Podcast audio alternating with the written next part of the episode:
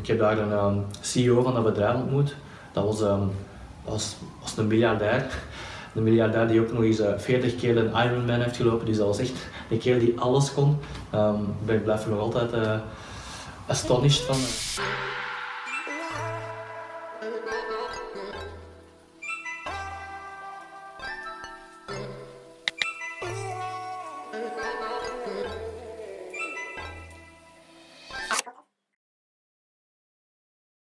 Ik heb eigenlijk na de uren eigenlijk altijd dat idee verder zitten uitwerken. En je blijft, je aan, aan dat ritme leven. En op een bepaald moment voelt je gewoon van, het gaat gewoon niet meer, want het is, het is zoveel werk en je moet een volgende stap nemen.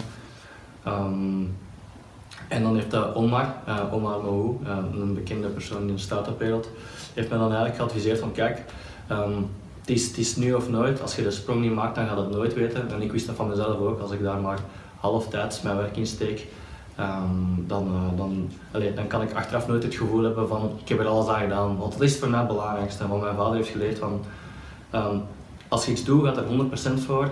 En als je mislukt, maakt dat niet uit, zolang dat je het gevoel achteraf hebt dat je er alles aan gedaan hebt. Ik heb mijn, mijn consultingjob dan uh, opgegeven. Uh, daar, daarna heb ik eigenlijk mijn plannen gemaakt van kijk, hoeveel heb ik gespaard. in die twee jaar spaar je niet zoveel natuurlijk, dus je moet kijken hoe lang kan ik daarmee overleven.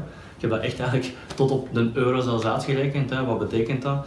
Uh, we moeten verhuizen van Brussel naar Mechelen, omdat de, de huur veel goedkoper was. Ook inkopen doen is veel goedkoper.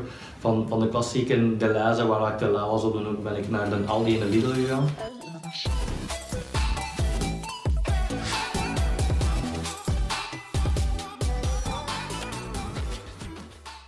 WeGo staat voor What is going on here?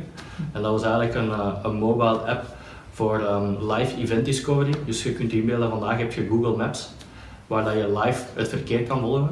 Maar vervang dat live verkeer gewoon door live evenementen op elk moment, elke categorie. Dat was, dat was het Wigo-concept. Um, en dat was gegroeid uit het feit van, ja, je ziet in Leuven, je volgt feestjes, maar je, je, hebt niet, je, hebt geen beeld van het volledige plaatje van wat er eigenlijk kan gebeuren. Ik heb dat dus de eerste zes maanden uh, met studenten gedaan die dat dan eigenlijk uh, na hun lesduren um, mee uitvoerden. Um, we hebben testjes gedaan um, op, uh, op evenementen in Leuven, Vijven, ondernemerscongres ook.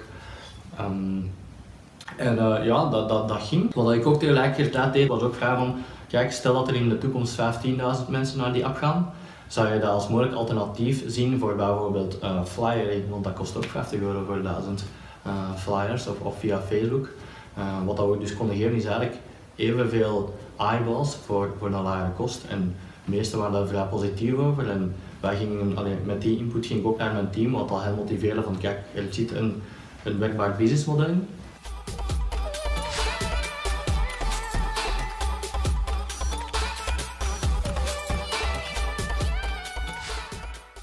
Ik ben dan, allee, ik ben dan in plaats van caféhouders te gaan bezoeken en, en, en, en club-eigenaars, ben ik eigenlijk meer naar hogere instanties gaan praten die eigenlijk al databases hadden vol met evenementen, wat dat voor mij allee, evenveel moeite was, maar we kregen ineens tien keer zoveel evenementen. En dat was eigenlijk cruciaal, we hadden content nodig. Want bij een, een, een, een platform zoals deze, wat dat ik noem een, een two-sided market uh, model, je hebt dus je hebt gebruikers aan de ene zijde, je hebt aanbieders aan de andere zijde. Uh, en dat is altijd kip of het ei verhaal. En in dit, in, in dit geval was, was ik erachter gekomen met mijn team dat, het, dat de content het belangrijkste is. Zonder content komen er geen gebruikers. Um, en zo gezegd, zo gedaan, ben ik ook gaan praten met op Vlaams niveau zelfs. Je hebt um, iets dat uh, een initiatief uit in Vlaanderen. Dat heb je in heel Vlaanderen, dat is een database met tienduizenden evenementen elke dag. Uh, en zelfs op dat niveau, zij stonden daar open voor. Zij stonden daar open voor.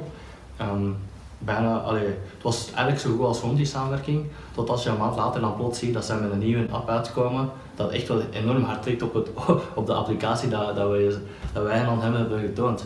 En ja, je voelt je dan eigenlijk ergens wel gepakt van ja, oké, ik, heb, ik heb gewoon gefeed en ze hebben gewoon eigenlijk um, wat ik noem brainpicking gedaan. Dat is altijd nadeel. Je gaat mogelijk een strategische partner bezoeken en ofwel werken ze samen ofwel gaan ze je brainspicken en, en om, het zelf intern te gaan maken. Maar yeah, that's it's part of the it's part of the story.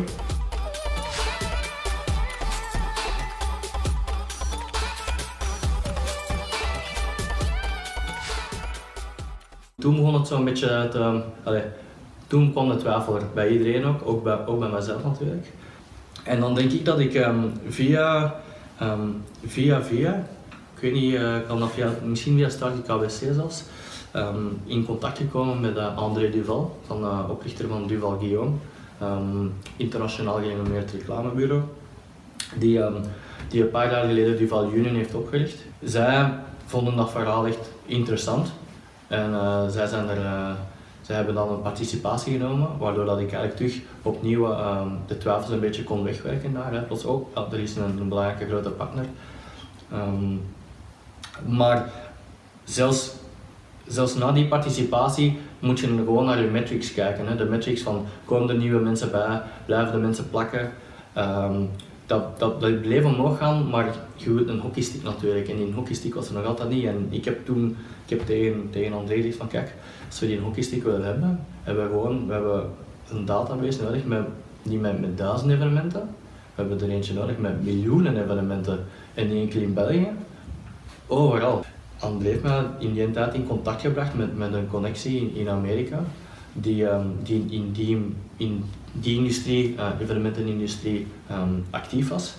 En uh, ja, die zei tegen mij, want kijk, ja, ik, heb hier, ik, ik heb hier een portfolio van bedrijven en eentje daarvan is, uh, heeft, heeft een database met, met miljoenen evenementen. En ik dacht van, oh, deze is, hey, deze, deze, deze voor is interessant. En zij, zachten, zij zochten het omgekeerde. Ze hadden miljoenen evenementen, maar zij, zij zochten een gordijn, een portal, om die evenementen op een, op een juiste manier eigenlijk te verdelen naar de eindgebruikers.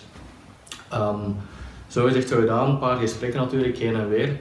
Um, heeft ertoe geleid dat ik eigenlijk samen met um, twee mensen van een team naar San Diego ben gegaan. Dat was een fantastische ervaring. Ik heb daar een CEO van dat bedrijf ontmoet.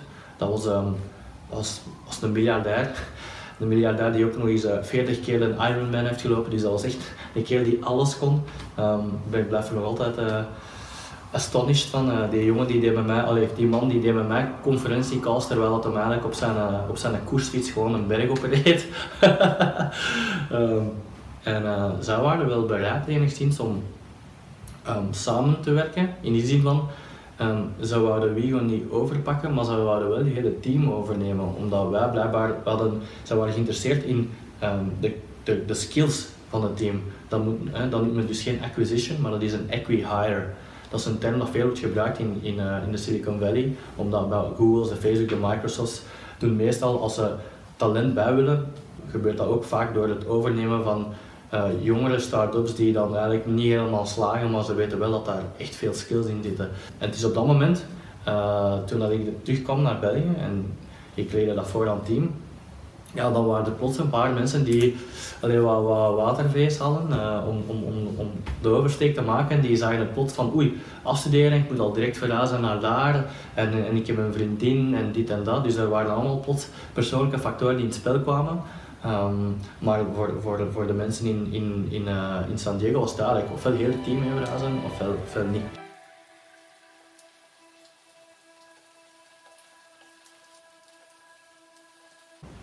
Ja, dat wil zeggen, dat duurt bij mij dat was toch weken. Weken in die zin van, je slaat die op, je blijft thuis, uh, niet wat ik moet doen. Je neemt dat heel persoonlijk, hè. je denkt wat heb ik fout gedaan, dit en dat. Maar achteraf, je, je hebt tijd om erover na te denken. En um, in het begin voelde zo een beetje irritatie, woede. Uh, en ook een beetje van faling, hè, want je zegt je faalt hier. Maar ik weet dat dat de juiste beslissing was. En dat is iets van, ook, ook zoiets van je mocht dat even omrouwen, maar dan moet het terug oppikken. En dat is, dat is echt moeilijk, dat is moeilijk. Hè? Ofwel, snap ofwel breken daar vriendschappen, ofwel blijven vrienden. En dat zeg ik ook altijd, als je dus een start-up doet en je, en je wilt iemand van je beste vrienden of zo in dat team betrekken, weet dan gewoon ook, maak goede afspraken in het begin. Want hetzelfde geld mislukt dat hier en, en, en, en wordt dat van die speciale vriendschap, blijft er toch niet veel meer over. En ik heb ook ik heb, ik heb start-ups geadviseerd waar dat ook is gebeurd. Dus absoluut maak daar goede afspraken rond. Van kijk, moest het niet lukken, zo so beet. Alleen dan kunnen we vrienden blijven.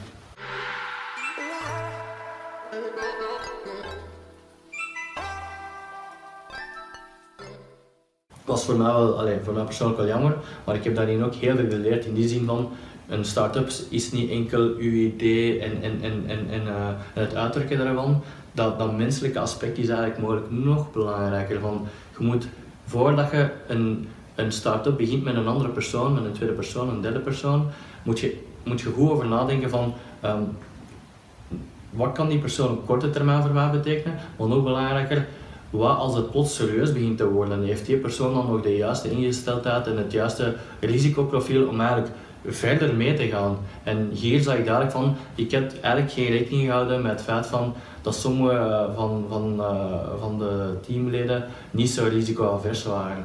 Uh, hier moet het duidelijk zijn van, kijk, zet je bereid om, om nog mee te gaan, ook, ook in moeilijkere tijden bijvoorbeeld. Hè? Dus zet je bijvoorbeeld bereid om twee, drie jaar een, een, um, een loon te ontvangen die onder het gemiddelde marktloon zit bijvoorbeeld. En er zijn bepaalde van die vragen die je kan stellen waardoor dat, dat je kan zeggen oké, die persoon is meer risicoavers dan een andere. Uh, en de, de start-ups waar ik nu in ben betrokken, dat zijn allemaal, allemaal ondernemers. En je ziet ook, dat gaat veel sneller. Je gaat, je gaat veel sneller vooruit ook. En er worden veel minder vragen ook gesteld.